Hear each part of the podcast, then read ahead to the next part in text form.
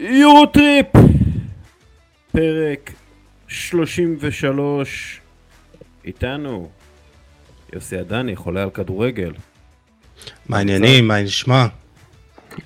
יוני מונפו, אהלן. מה שלומכם חברים, ערב טוב, ערב ירוק היום בישראל. ערב ירוק, ברכות למכבי חיפה על האליפות השלישית ברציפות שלה.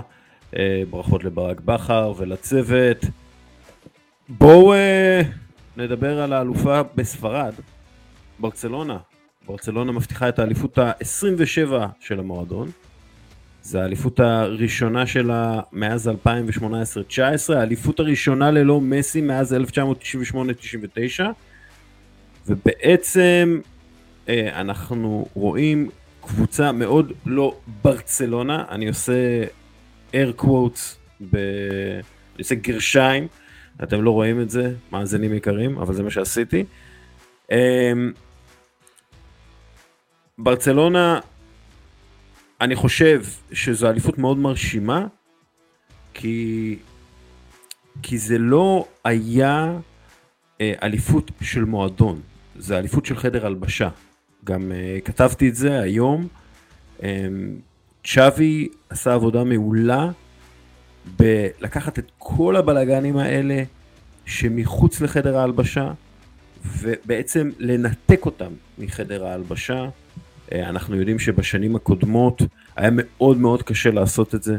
השחקנים היו מעורבים מאוד בתוך הבלגנים של המועדון וההישג הגדול של צ'אבי זה שהוא בעצם מצליח אה, לנתק את חדר ההלבשה, הופך את חדר ההלבשה ל safe space עבור השחקנים, לאווירה נכונה שלתוכה יכולים לצמוח שחקנים, שלתוכה יכולים להגיע שחקנים, אה, אווירה מאוד מקצועית, וזה בעצם ההישג הגדול שלו, שאנחנו יודעים שהמועדון רחוק מלהיות במקום טוב, כי ברצלונה אולי ניצלה מפשיטת רגל, אבל היא, היא, היא מכרה הרבה נכסים והכנסות עתידיות כדי להינצל, ויש את ענן אה, פרשת אה, נגרייגה, ו, ויש את אה, מטאו אה, אלמן שעוזב, ועוד כל מיני אנשי אה, לפורטה שהחליטו לעזוב את המועדון, ולמרות כל הבלגנים האלה, ברצלונה הייתה הקבוצה הכי מקצועית, הכי מאורגנת, הכי קבוצתית, הכי מגובשת, וזכו באליפות אה, בזכות ולא בחסד. בקיץ המילה הכי שימושית בברצלונה הייתה פלנקה, הייתה סוג של כל מיני מינופים כלכליים כדי לנסות להעמיד לצ'אבי אה, את הסגל שהוא רצה, את הקבוצה שהוא רצה, הם הצליחו לעשות עברות מעניינות מאוד. אני חושב שחלק מהדברים הוא כן החזיר, הוא חזר ל-4-3-3, לחלחץ הגבוה, לחשיבות של הפוזיישן והחזקת כדור הגבוהה. חסר האיכות למעלה והברק, בגלל זה אני מסכים איתך שזה לא הברצלונה הגדולה.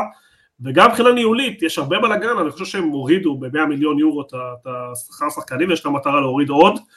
כי בברצלונה היו המון המון חוזים רעים של שחקנים של ההנהלה הקודמת, ויש פה גם חילוף דורות, אנחנו רואים שגם מסי שילם מחיר על החוזה שלו, גם בוסקץ עוזב השנה, כל אחד בתורו עוזב, פיקה פרש, נאלץ, נדחף החוצה, ועכשיו ינסו להתמודד עם ג'ורדי אלבה, ואנחנו רואים את הדור החדש שצומח מלמטה, בראשות פדרי שנלחץ, אבל עדיין הולך לעשות קריירה גדולה בברצלונה, גבי, ובלדי המגן השמאלי שמסמנים איזשהו שינוי בכיוון דורות. אני חושב שזו קבוצה הגנתית ברמה גבוהה מאוד, מאוד מאוד מחויבת, ספגו רק 13 שערים ב-34 מחזורים, ומבחינתי שאפו, כי אני חושב שיש פה שלד אמיתי, חוץ מבוסקט שעוזר ולבדובסקי, יש הרבה שחקנים שיכולים לשחק בברצלונה עוד הרבה שנים שם. אז יש בעיות בהתקפה שתכף ניגע בהם ונדבר עליהם, הכנפיים לא סיפקו סחורה כמו כמו שצריך, אם זה תורס שלא השתלב כמו שצריך, אם זה רפיניה שמתנדנד, אם זה אנסופטי שהוא אכזבה גדולה מאוד לעומת הציפיות שהיו ממנו, וגם כרגע מנסים לדחוף אותו החוצה. אבל אני חושב שיש עתיד ורוד לברצלונה, חרף כל הבעיות, הניהול היה כושל, הסכומים שזרקו גדולים, אבל בואו, כל הזמן מדברים על הבעיות של ברצלונה, הליגה אישרה להם השנה שכר של 640 מיליון יורו, זה פי, של, פי שלוש מהכנסות של מילאן ואינטר ונפולי שירדנו ברזולוציה וניתחנו אותם בשבוע שעבר. כלומר, גם ברצלונה היום יכולה לשלם כמו שלוש קבוצות אה, שעשו חצי גמר ורבע גמר ליגת אלופות, צריך לזכור את זה. לכן אני לא חושב שיש איזושהי בעיה לעתיד וההווה. הספונסרים גילו נאמנות גדולה מאוד למותג, הקהל גילה נאמנות גדולה אה, מאוד למותג, ואני חושב שצ'אבי הוא הוכיח שהרעיונות שלו והיכולות שלו, אה, זה לא רק חדר הלבשה, אני חושב שצ'אבי יש לו אחריות גדולה מאוד לעונה המרשימה הזאת, אני חושב שזו עונה מרשימה, שאני מזכיר שכל הקיץ היו עסוקים במינופים כלכליים והסדרי חוב עתידיים. כן, אני, אני, אני אגע בנקודה של אה, צ'אבי, אני חושב שמגיע לו המון קרדיט על העונה הזאת, כי זה מין אה, עונת מעבר. אה, בעונה שעברה הוא הגיע ואתה יודע, עם אה, סגל שמאוד מאוד בעייתי, והעונה הוא ייצב את ההגנה בצורה בלתי רגילה, ואני חושב שלולא החיסורים, אז אולי גם העונה באירופה הייתה יותר ארוכה. אה, זה לא, דיברנו על זה שברסה לא הייתה מבריקה העונה בכלל, לא מבחינה התקפית, לא מבחינת כיבושים, יש לה את אה, ממוצע שערי הזכות בין הנמוכים שלה בשנות ה... במאה ה-20, 1.88 שערים למשחק, זה לא מספיק, אבל בלדה נהיה שחקן הרכב משמעותי. וצריך להגיד, אה, טרשטגן באחד ה... באחת העונות הטובות ביותר בקריירה שלו, אה, פדרי וגבי אה, השתדרגו עוד יותר, פדרי גם מבחינת כיבוש שערים, ובסך הכל עם כל הבעיות שהיו, ברסה עשתה עונה נהדרת בליגה, בליגת האלופות צריך קצת יותר מזה, אוקיי? אה, ואם תהיה להם אפשרות במהלך הקיץ כן להתחזק בנקודות שהיא צריכה, מדברים על מסי כמובן, אה, וגם אחרי הבטחת האליפות לפורטה אמר שהוא ינסו לעשות הכל כדי להביא אותו, אה, ואם מסי מגיע, ואם אילקאי גונדואן יגיע, בסך הכל הולכת להיות עונה אפילו יותר טובה, גם בליגת האלופות, שזה שם המטרה העיקרית. אה, אז אני חושב שהעתיד, כמו שיוני אמר, סביר מאוד. בוא ניקח את זה אחורה, אני רוצה לדבר שנייה על הקטע הזה של מסי, כי, כי מה שאנחנו ראינו זה קבוצה, כן, היא הגנתית, אבל היא גם מאוד מאוזנת, ו, והעניין עם מסי, שלפורטה אמר שברצלונה זה הבית שלו, ושהוא דיבר על היחסים הטובים מאוד אה, בינו לבין אה, מסי, וש... ש, שהוא רוצה אותו ושהוא יכול להתחרות עם ההצעה הסעודית, כל הדברים האלה. קודם כל, אני חושב שאחת מהסיבות שהאלמן עוזב זה זה, זה העובדה שיש פה איזשהו רצון של הפורטה להחזיר את מסי, להביא עוד שחקנים אה, ותיקים כמו גונדואן, בלא מעט כסף, אה, בלרכוש שחקנים שאולי הקבוצה הזאת לא צריכה. אה, ועוד משהו, ליאולנד אה, סקלוני דיבר על, אה, על מסי, והוא אמר את הדבר הבא, זה חשוב לה, להבין שמה ששחקן כמו לאו מסי צריך, ב, אה, סליחה, הוא אומר, זה חשוב להבין שמה ששחקן כמו לאו מסי צריך, בפעמים הראשונות שלנו ניסינו לשחק מהר וישיר, וראינו שזה פשוט גורם לו להרגיש לא בנוח. גם לחברים שלו לקבוצה זה לא היה נוח. אז לזכותנו ייאמר שהחלטנו ללכת עם סגל שכולו אפשר למסי לשחק את הכדורגל שהוא רוצה, הכדורגל שלו. וזה סוג של חוזר על הדברים ש, שגם אמרתי וגם כתבתי, על העניין הזה שארגנטינה נבנתה כדי לשרת את מסי. וכל השחקנים ידעו את זה. כולם היו באותו mindset אה, מוחלט ושלם, שמסי יכול לעשות מה שהוא רוצה, ללכת כמה שהוא רוצה, לא לעשות לחץ, לא לעבוד אה, בקולקטיב, אנחנו נעבוד יותר בשבילו, אנחנו נעבוד יותר בשביל לחפות עליו, וזה הדבר היחיד שיכול להצליח עם לאו מסי בגילו המתקדם, בסגנון המשחק שלו. אין ספק. לא, אין ספק. אני- אני לא. רואה, אני לא רואה איך מסי משתלב בקבוצה הנוכחית של ברצלונה. אני לא חושב שלברצלונה יש את היכולות הכספיות או המקצועיות לשחק אה, כמו שמסי צריך ורוצה. נקודה, אח- אני מסכים איתך עם כל מה שאמרת על ארגנטינה, נקודה אחת, אני חושב שהנבחרת מבחינה התקפית רצתה להביא את הכדור למסי לא איפה שהוא רוצה, אלא במקומות שידע שמסי הוא, הוא, הוא, הוא, הוא עושה את ההבדל, וזה כמובן בשטחים בצד שמאל לכיוון השער, שם רוב הזמן הוא נגע בכדור, שם רוב הזמן הוא תקתק את הכדור, הוא עשה דברים מדהימים. אני חושב שאותו רעיון יכול לעבוד בברצלונה, פשוט הספיגה תהיה יותר גבוהה. ברצלונה סופגת 13 שערים שמגנה 11 שחקנים, אם ישמרו עם 10 שחקנים, יספגו יותר. אבל גם אם יספגו 20 ו-25 שערים זה עדיין נתון שברצלונה, עם מסי שיתרום טיפה, אמור לתת יותר מספרים בהתקפה, תראו, כל ההתקפה של אה, ברצלונה, דבלה עם חמישה שישה שערים, פאטי עם ארבעה שערים, תורס עם ארבעה חמישה, אה, דבלה עם שישה, זה נמוך מאוד. כלומר, כן, הוא יכול לתת להם יותר תרומה התקפית, שיבוא על חשבון כמות הספיגה. עדיין כמובן יצטרכו לעבוד אחרים יותר קשה, אבל אנחנו רואים שפדרי עובד, אנחנו רואים שלבנדובסקי עובד מאוד קשה. אנחנו רואים שכולם בברצלונה, נכון, יהיה שחקן אחד שירמה, ישחקו עם עשרה שחקנים בהגנה, אני לא מוטרד. בנושא הכלכלי, השאלה עד כמה מסי יתפשר. עד כמה הוא מוכן להתפשר, כרגע אין שום הגבלות של חוקים, הוא עזב את המדינה, הוא יכול לבוא בכל סכום, ואפילו, אני לא אתפלא אם יעשו חוזה שהמשכורת שלו תמשיך גם לעוד הרבה מאוד שנים, אנחנו רואים אני, שיש אתה, שגרירים, רגע, רגע, תן לי, תן לי לסיים, אפשר לעשות אותו שגריר, אפשר לתת לו משחק פרידה, יש דרכים לפתור את הנושא הכלכלי, כמובן שזה לא יתקרב בכלל למה שהוא יכול להרוויח בסעודיה, זה לא יהיה דומה. זה, זה, אי אפשר להתחרות, דיברת מקודם, נכון, נכון, נכון, אה, סעו- אם זה סעודיה לבד זה להתחרות, כל הסכום של כל ה... זה 600, הזה. מדברים על 600 מיליון אירו, זה, זה לא, זה לא באותה... מסי צריך לתת פה שנה, שנתיים, מה שנקרא, די, בוא נקרא לזה, לא בחינם, בסכום מאוד מאוד קטן, וכנראה לקבל איזושהי הבטחה עתידית לאיזשהו משהו. לכו לסוף הסקור, אני אומר לכם ואני אומר גם למאזינים, לכו לסוף הסקור ותחפשו את מפת החום של פדרי, ואז תחפשו את מפת החום של מסי. אם אתה מביא את מסי, אתה מחסל את פדרי או את גבי. עכשיו, אני לא, אני לא יודע כמה זה נכון וחכם לעשות. כן, מסי הוא הגדול ביותר, הגדול בכל הזמנים, אין בכלל ספק, אני בכלל, אין לי בכלל ספק, אוקיי? זה, זה לא, אני יכול להתווכח איתכם על זה שהוא הכי גדול בכל הזמנים. אבל ברצלונה יצאה לדרך חדשה. להחזיר את מסי זה להחזיר את השעון אחורה. זה לא משהו שהוא בריא למועדון הזה.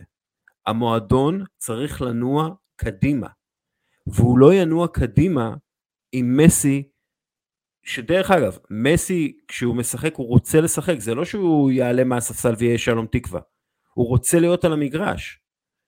זה אומר שאתה משנה את כל הקונספט של הקבוצה הזאת, שצ'אבי בנה ו- ובנה את הקונספט הזה מחדש, אתה בעצם משנה את הכל, אני פשוט חושב שזה רעיון גרוע. דעה לגיטימית, אני חולק עליך בנושא הזה, אני חושב שיש לו הרבה מה לתת והרבה מה לתרום, ואני חושב שגם מבחינת סיפור של ברצלונה, ובטח בטח לספונסרים שמממנים את המועדון הזה בסוף, הוא ייתן המון המון המון, וגם לקהל. ברצלונה הולכת לתקופה לא פשוטה עם מגרש יחסית למה שיש להם היום, די מצ'וקמק, ובסופו של דבר הוא ייתן פה סוף מדהים לסיפור, גם שלו וגם של ברצלונה, ואני באמת מאמין לשני הצדדים האלה שמנסים למצוא איזושהי נוסחה. עכשיו, יכול להיות יהיה- שמקצועית, או שמה שזה- מה יכול סליחה. לקרות? לא, שזה יהיה מייקל ג'ורדן בוושינגטון אה, וויזרדס. אוקיי, אבל היה גם מייקל ג'ורדן בשיקגו בולס, עכשיו השאלה מה הציפייה. בסדר, אבל מייקל ג'ורדן בשיקגו בולס אה, לא היה. בסוף הקריירה, כאילו לא היה נכון. אחרי שהוא פרש בעצם. אתה אבל מה כאילו- הציפייה? לזכות בליגת אלופות? אני לא חושב שהוא יעזור להם להגיע לאיזשהו מצב של סיכוי כזה, יכול להיות באיזשהו דרך, אבל לא לא נראה לי שהוא זה שיעשה. אבל לעשות עוד אליפות עם ברצלונה, אני באמת חושב שהוא יכול. זה לא, זה בסוף זה או הם או ריאל באיזשהו קונסטלציה כזאת או אחרת. אני מסי חושב שהאתגר פה, כן, רק אה, נקודה אחרונה, האתגר פה הוא, הוא, הוא מקצועי, כמו שאמרת אוריאל, איך מסי נכנס ואיך אה, שאר השחקנים לא מתבטלים אה, בשביל שהוא יהיה על המגרש. מה שכן, זה שחקן אחד. אה, הבעיה של לא, ברצלונה אגב, רגע, לפני- רגע, כן. רגע, שנייה, אתה לא מבקש, אתה לא מבקש ממקליסטר לבטל את עצמו מול מסי, אתה מבקש מפדרי לבטל את עצמו מול, אה, מול מסי, אתה מבקש מגבי לבטל את עצמו מול מסי, אתה מבקש מאוסמן דמבלה ורפיניה, ואני לא יודע מי עוד יהיה בקווים, לשחק משחק שהם לא יכולים לשחק ולא רוצים לשחק, זה, כלומר הם צריכים להפוך לסילונים בלבד, בלי הכדור ברגליים שלהם, זה, זה פשוט בלתי אפשרי. אני לא חושב שגם מבחינה אנושית זה הגיוני להחזיר כזה אה, אה, כוכב עצום, ענק, אדיר, לחדר ההלבשה הזה. אני חושב שבצ'אבי, אם, אם אתם תשקרו אותו, אם אתם תיתנו לו אה, כמה בירות ותשאלו אותו, תגיד, אתה רוצה את מסי אצלך? הוא יגיד, כן, אה, לא, לא, אני לא רוצה. אני, עזבו, עזבו. אני חושב ש... אני לא חושב... אני לא חושב שזה רק... האתגר הוא יהיה מקצועי. איך ברסה מתנהגת עם מסי על המגרש, עם הכדור ובלי הכדור. בלי הכדור, ברסה תוכל להגן ב-4-4-2, כשמסי ולבנדובסקי, סתם דוגמה, אה, למעלה, זה, זה לא רע בכלל, אפשר לעשות את זה. לבנדובסקי הוא, הוא, הוא שחקן שעובד, אז מסי ילחץ פחות, אין בעיה. אני לא חושב שיש פה איזה אתגר מטורף אה, לעבוד בהגנה אה, עם מסי על המגרש. אה, רונלדו, רונלדו בברצלונה, בריאל סליחה, עשה את זה הרבה שנים, כן? הוא רימה כל הזמן ולא שמרו אחד פחות, לא קרה כלום. נכון, זה מה שאני אומר. עכשיו, אה, בוא נגיד ככה, אם הכדור פה, צריך לחשוב איך ברסה משחקת. אז יש לך, אתה צריך שני שחקנים על הקו, אז זה יהיה מצד אחד, מצד שמאל אולי אה, דמבלה או רפיניה, ואז מצד ימין, אז אתה תצטרך למצוא שחקן אחר, שאתה יודע, ירווח. יש הרבה פתרונות. זה יהיה המגן ימין. אפשר לעשות המון... בתקופות החלשות של לבנדובסקי הוא יכול לשחק תשע מזויף, הוא יכול לשחק קצת שמאל, בתקופות שדבלה פצוע יכול להחליף אותו באגף ומשם לעשות את הנזקים שלו, אפילו, אתה יודע, שהמגן עולה יותר והוא מחפה. אפשר, אפשר. אני, האם זה טיפה יוריד מפדרי? כן, אבל לפדרי יש עוד קריירה ארוכה מאוד לפניו, יכול לתת עוד 10-15 שנים. אז שנה אחת הדברים יסתדרו בצורה כזאת או אחרת. אני באמת גם חושב שאם הוא יסיים שם בתור אלוף ספרד שנה הבאה, לא, לא מעבר לזה, כן, לא, או איזה דאבל בספרד, שזה לא כזה משימה כזאת קשה, לא הוא יכביד את כל המועדון. אז כל אחד יוותר פה, שוב, אם, אם, אם אנשים לא יוותרו על אגו ולא יוותרו על דברים, זה לא יעבוד, אתה יודע, אני מסכים. אבל אני לא רואה פה איזשהו קושי שלו, אגב, באמת כל יודעים, כך גדול. ברצלונה, כן. ברצלונה בלי מסי לוחצת אה, טוב נכון. יותר ב-20 אחוז. אוקיי? ב-20 אחוז. אוקיי? 20 אחוז, כשאנחנו מסתכלים על המדדים של החטיפות וההפרעה וכל הדברים האלה, או מה שנקרא ה-PPDA, ברצלונה לוחצת 20 אחוז ויותר מאשר העונות עם מסי. עכשיו, כדורגל, כדורגל הוא משחק קולקטיבי אה, שדורש אה, תפיסה אחידה בין כל השחקנים בקבוצה. זה מה שצ'אבי עבד עליו כל כך קשה. זה, זה מה שזכה לברצלונה באליפות, אוקיי? החזרה למקצוענות, החזרה לגיבוש, החזרה לתנועה הקולקטיבית, אלו הדברים שזוכים באליפויות. עם כל הכבוד ללאו מסי, באמת, זה, זה לא, אני לא חושב שזה אפשרי שהוא אפילו יזכה באליפות ספרד, אנחנו רואים בצרפת כמה קשה אה, לשחק איתו. אנחנו רואים בפריס סן כמה זה קשה לשחק איתו עבור שחקנים ועבור קבוצה שיש לה את תקציב השכר הגבוה בעולם. אוקיי? עכשיו יש לזה הרבה, הרבה עניינים וכולי, אבל בסופו של דבר זה קשה מאוד לשחק עם לאו מסי, אם הקבוצה שלך לא בנויה עבור לאו מסי. וזה אומר שאתה צריך לפרק את כל מה שעשית ועשית כדי לבנות את הקבוצה מחדש. ואני לא חושב שזה רעיון טוב. צריך לחלוק עליך בפעם השנייה, ואני אגיד לך, ברצלונה הזאת היא עדיין ברצלונה משעממת, נכון. ברצלונה שלא כובשת מספיק, ברצלונה, רגע רגע, לא חסרת ברק, ואני אומר, ה-20% בסדר, אז אתה תשלם, במקום 13 שערים תספוג 20, 22, 24, זה לא אסון כל זה גדול אם מסי יצליח להביא את היכולות שלו לידי ביטוי ולתרום יותר מהשחקנים שכרגע מאכזבים, כל הכנפיים בברצלונה, חוץ מדמבלה, ברצלונה לא מרוצה מהתפוקות, לא של תורס, לא של אנסופטי ולא של רפיניה, גם רפיניה לא בעונה גדולה, עם שישה שערים, זה לא המספרים שברצלונה רוצה, זה לא השיווק של ברצלונה רוצה, זה לא הכנסות שהם רוצים לקבל מהספונסרים כל כך הרבה כסף, הם צריכים סיפור אחר, הם צריכים משהו יותר אה, אה, התקפי, משהו יותר מרתק, אחרת ברצלונה לא תישאר ברצלונה גדולה, היא צריכה פה משהו אחר. עכשיו מסכים איתך, הגנתית הם הולכים לשלם, הם הולכים לשלם, אני חושב שמי שעושה את הצעד הזה, אני חולק עליך גם את צ'אבי, צ'אבי לא, בלי אישור של צ'אבי אני לא מניח שהפועל, פה אולי פה אנחנו חלוקים, כי אם צ'אבי לא רוצה הסיפור הזה לא צריך לקרות, בשביל, לטובת כולם, אחרת זה יתפוצץ, ואני חושב שצ'אבי מבין שהוא ישלם מחיר, הוא לא, הוא לא, הוא בן מאוד חכם, והמחיר הזה הוא מחיר ריאלי לעומת התרומה ההתקפית והכלכלית שהוא יכול להביא למועדון, זו דעתי שני, כמובן. שני דברים, שני דברים, ככה מאוד חשוב לי להגיד. Uh, צריך לזכור, מסי הוא אגדה. Uh, פדרי, גבי, בלדה, הם, הם גדלו עליו, הם, הם, הם שאפו להיות כמוהו. כלומר, עצם זה שהם יוכלו לשחק איתו, זה, זה, זה, זה יתרום להם גם מבחינה כן, אה, כן. תודעתית. כמו, ש... זה... כמו שמרקוס רשפורד אה, תרם לו מאוד אה, לשחק עם קריסטיאנו רונלדו, וכן, כן, שמעתי את זה בעבר. אה, זה, זה, זה, כן, זה, זה, זה לא, אני לא, לא חושב... אותו דבר? זה בול אותו דבר. אני גם חושב שמסי, מסי זה אישיות טיפה אחרת, בוא נגיד ככה, ואני חושב ש, שהוא כן, אם, כן ימצאו את השילוב הנכון, שהם לא ידרכו על אותו מקום. בוא נגיד ככה גם, חושב, אה, אתה יודע, זה שחקן ש, שונה מפטרי. שזה בדיוק, בדיוק מהמהלכים, בדיוק מהמהלכים הרומנטיים, המטופשים אה, ביותר שאפשר לעשות. יותר מזה, אני חושב שאם המהלך הזה, האינטרס שלו הוא כלכלי, ולסייע לברצלונה כלכלית, דרך אגב, יש לי תחושה, יש לי תחושה, בוא נגיד תחושה מבוססת, כן?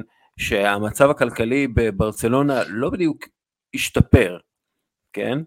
אמ, עם מסי זה בטוח השתפר, המצב הכלכלי, אין לי ספק. לא, אבל... אז, אז תקשיב, ברצלונה הגיעה למצב הכלכלי שהיא נמצאת בו כשיש לה את מסי. אמת, אוקיי? אבל כולה, אבל הנהלה השתוללה, זה לא רק הוא, כלומר, גם מסי קיבל יותר מדי, אבל כולם מסביב קיבלו משכורות. לא, אבל בגלל שהם לא חשבו בהיגיון. בגלל שהם לא חשבו, אוקיי, יש לי פה את מסי, גדול השחקנים, בואו נבנה סביבו קבוצה. במקום זה הביאו את אנטואן גריזמן, שחקן מצוין. וגם מסי לא רצה אותו. בדיוק. הדבר הכי קרוב למסי, הדבר הכי קרוב למסי שהוא לא מסי. ו- ו- אבל הם גם, אבל הם עשו המון טעויות, זה לא... אבל אם אתם מסתכלים, שוב, אם אתם מסתכלים על מפת החום של לאו מסי, את, אם אתם מסתכלים על, על, על מה הוא צריך ומה הוא רוצה ואיך הוא פורח, כן? זה פשוט לא משתלב, זה פשוט לא משתלב. אני מדבר איתכם מקצועית, עזבו אתכם עכשיו כל מה שאתם מדברים. לא. אם מסי מגיע, אם מסי מגיע וברצלונה מתקשה להגיע למקום רביעי, או ברצלונה מתחרה על המקום השלישי ומודחת בשמינית הגמר נגד איזה קבוצה מפלצת כמו ביירן מינכן, זה, זה, זה עוד אסון, זה עוד אסון אני, לברצלונה. אני לא רואה מצב שבו... ברצלונה צריכה להמשיך בקצב שהיא התחילה במה שצ'אבי רוצה, צריך, ברור שצריך לחזק, אני לא יודע בדיוק איך הם יחזקו, הם צריכים למכור את מה שהם יכולים למכור עכשיו מבלי לפגוע בגרעין החדש של הקבוצה, הם צריכים, דרך אגב, שנה שנתיים הם צריכים למצוא מחליף ללבנדובסקי, כן? כי לבנדובסקי גם כן עוד מעט בן 93. צריך לבנות על, על ההצלחה, לא לפרק את ההצלחה ולבנות משהו חדש לגמרי, שדרך אגב, כשל כבר. זה כל מה שאני אומר. יאללה, בואו, בוא, אה, אני חושב שדיינו מספיק. חפרנו, חפרנו על זה, כן, אה? כן. טוב. אה, אה, דיברנו קצת על הלמן אה, בשבוע שעבר. אה, יש, יש פה, אוקיי, השאלה כמה זה, ו- ואני ראיתי את זה גם בתגובות, כמה זה אליפות מרשימה של ברצלונה בזכות מה שברצלונה עשתה, וכמה זה אה, פשלה של אתלטיקו מדריד וריאל מדריד. שילוב, כי אני חושב שהעונה הזאת הייתה, אתלטיקו התחילה נורא את העונה הזאת ופתחה פער גדול, וריאל התעסקה לקראת המונדיאל, לפני המונדיאל ואחרי המונדיאל, ובעצם לא הייתה באמת תחרות בליגה הספרדית, אבל ברצלונה הייתה יציבה מאוד בנקודות שהיא השיגה וגם בכמות הספיגה. עוד משהו קטן על ברצלונה, מי לדעתכם גם המצטיין, שזה מתקשר לכל הסיפור הזה. טרשטגן. טרשטגן. כן. מסכים. זכותכם. זה הוא, אראוכו, אראוכו, אה, פדרי, ברגעים לבנדובסקי, אבל זה טרשטגן מעל כולם. טרשטגן הוא בראלס. טוב, אני לא כזה רואה את זה כזה, זה מבחינתי יש כמה מצטיינים, ואולי צ'אבי הוא המצטיין, אבל כן, ריאל ואתלטיקו אה, בעונה כן. לא טובה בליגה. כן, כן ריאל ואתלטיקו. צ'אבי, כן, מן הסתם, אבל כאילו... אני לא רואה באמת מצטיין, אבל בסדר. אה, עוד נקודה שהייתה חשובה לי להעביר. אה, לגבי ריאל ואתלטיקו, עונה לא טובה, אתלטיקו התחילה רע, ואחר כך אה, באמת השתנתה בעיקר בחצי השני אחרי המונדיאל, ריאל מזעזעת בכל התקופה שבנזמה היה בחוץ בעיקר, ולא יציבה מספיק. וזה הדבר המשמעותי, זה הדבר המשמעותי, כי לבנזמה אין תחליף, ואתה רואה את ריאל איתו ובלעדיו. לוויניסיוס זה תחליף. גם, אבל אתה יודע, פתאום אתה יכול לשים שם את רודריגו, ויכול להיות, בנזמה תוציא אותו, לא זה לא אותה ריאל. זה לא אותה ריאל. לא, לא, ו... בואו נעבור, בואו נעבור לדבר על ריאל מדריד, כי גם בהקשר של מנצ'סטר uh, סיטי שהם uh, משחקים מול האוטוטו יום רביעי, לא יודע מתי אתם מאזינים לזה, אבל זה ממש, ממש אוטוטו. Uh, מדברים שוב על קיליאן אמבפה, אבל אני ממש לא בטוח שהם ירצו להשקיע את הסכומים המטורפים בקיליאן אמבפה כרגע, ולפי מה שמדווחים בספרד, וגם קצת משיחות שלי עם אנשים, כאילו, בריאל מדריד מאמינים, זה שמע כאילו קצת טייק שלי על ברצלונה, הם מאמינים שהם בפה עשוי לפגוע בהתפתחות של וניסיוס. וההתפתחות של וניסיוס, אה, קצב ההתפתחות, אה, אלו, הוא, הוא עשוי להיות באותה רמה פחות או יותר כמו אמבפה. אה, ואמבפה אוהב לשחק בצד שמאל, כמו וניסיוס. אה, אם תסתכלו על מפת החום של שניהם, היא מאוד מאוד זהה. Uh, ייתכן מאוד שזה באמת לא רעיון טוב להביא את קיליאן אמבפה, בטח בשביל הרבה מאוד כסף. אולי שווה, אה, ודרך אגב, ממה שאנחנו מבינים מהתקשורת, אה, ג'וד בלינגהם יגיע, מה שאומר שאמבפה כנראה לא יגיע, כי ריאל מדריד גם כן לא יכולה להוציא כסף בלי סוף.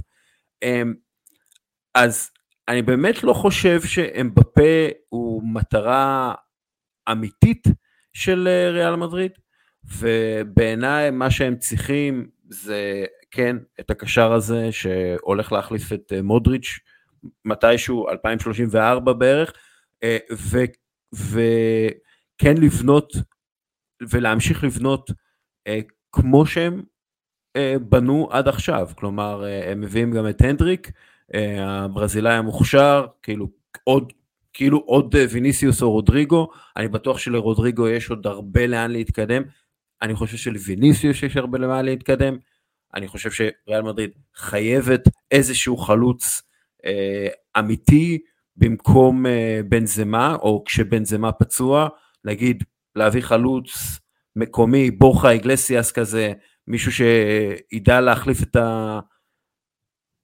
את הפיזיות לפחות של אה, קרים בנזמה ואת הטאץ' של קרים בנזמה ואת התנועה של קרים בנזמה. אני לא חושב שריאל מדריד צריכה לעשות הרבה יותר מדי שינויים אה, כדי לחזור ולזכות באליפות בשנה הבאה. צריכים לעבות את החלק ההתקפי באופן, לא ספק, הם כרגע השנה עם שניים וחצי שחקנים שמתפקדים, יש בעיה בחוזה של אה, אה, אסנסיו. לגבי התקשורת במדריד שמסקרת ובדרך כלל פוגעת, אז יש שם ויכוח, האם בכלל אמבפה הוא המטרה ולא אהלנד, שהוא צריך להיות המטרה המרכזית ל-2024 ולא לשנה הקרובה, כן. ויש הרבה אנשים שחושבים שריאל מדריד עשתה איקס על אמבפה, זה לא משהו מוצהר, אבל יש דעות לכאן ולשם, וקשה מאוד לדעת מה ריאל, ריאל רק אם יעבור בחינם ב-2024 והשחקן ירצה, אז אולי ריאל תחשוב על זה. ריאל בכלל שינתה את היחס. אה, בהעברות אנחנו רואים את זה, גם צ'ואנמי, גם קמבינגה וגם ג'וד בלינגהם הגיעו לריאל מדריד רק אחרי שהשחקנים הצהירו שהם רוצים להגיע אה, וסיכמו פחות או יותר על תנאים ורק אז נכנסו והיה שקט תדמיתי, כלומר ידענו מה המטרות, השחקנים הגיעו רק ברגע שהם נתנו את האוקיי, ריאל עובדת מאחורי הקלעים, חודשים מול הסוכנים ומי שצריך. כלומר אם מבפה לא ירצה ממש להגיע לריאל מדריד, ריאל מדריד אפילו לא תנסה, ואתה רואה שהרוב התקשורת במדריד התייאשה, אל צ'ינגריטו שניפח את זה בכל סיטואציה גם די התייאשו, ורוב הרעשים כן. מחוץ למדריד, הם לא מתוך מדריד, דווקא הולנד מדברים על זה, אבל לא, אתה לא מרגיש שזה משהו חובה ו next, לדעתי גם שם, אם יהיה, אם הולנד יסכים לבוא, כן הולנד. כן, הולנד צריך אה, לפחות עוד שנתיים במנצ'סטר סיטי כדי לשבור את כל שיא כיבושים של הפרמייר ליג, אז... השאלה אם יש לו השאלה אם יש לו ב-2024 את הסעיף שפורסם. אה, דובר על כך, דובר על כך שבגלל שפפ גוורדיאולה האריך את החוזה שלו, אז הסעיף הזה מתבטל. אה, זה ככה מה שאני הבנתי.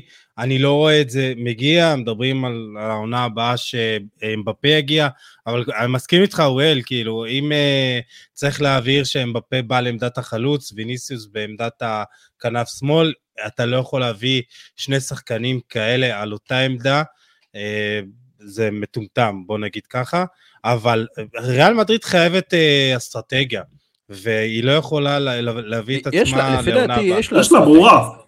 האסטרטגיה שלה ברורה לפי דעתי. מה האסטרטגיה? מי מחליף את בנזמה? כאילו, אין גיבוי, אגב, הם ניסו, הם ניסו...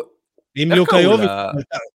לוקה יוביץ'. הם ניסו להביא את יוביץ'. הבאת, לוקה יוביץ', פרופיל שונה לחלוטין, זה 180 מעלות שונה מבנזמה, ואתה לא יכול להביא חלוץ כזה.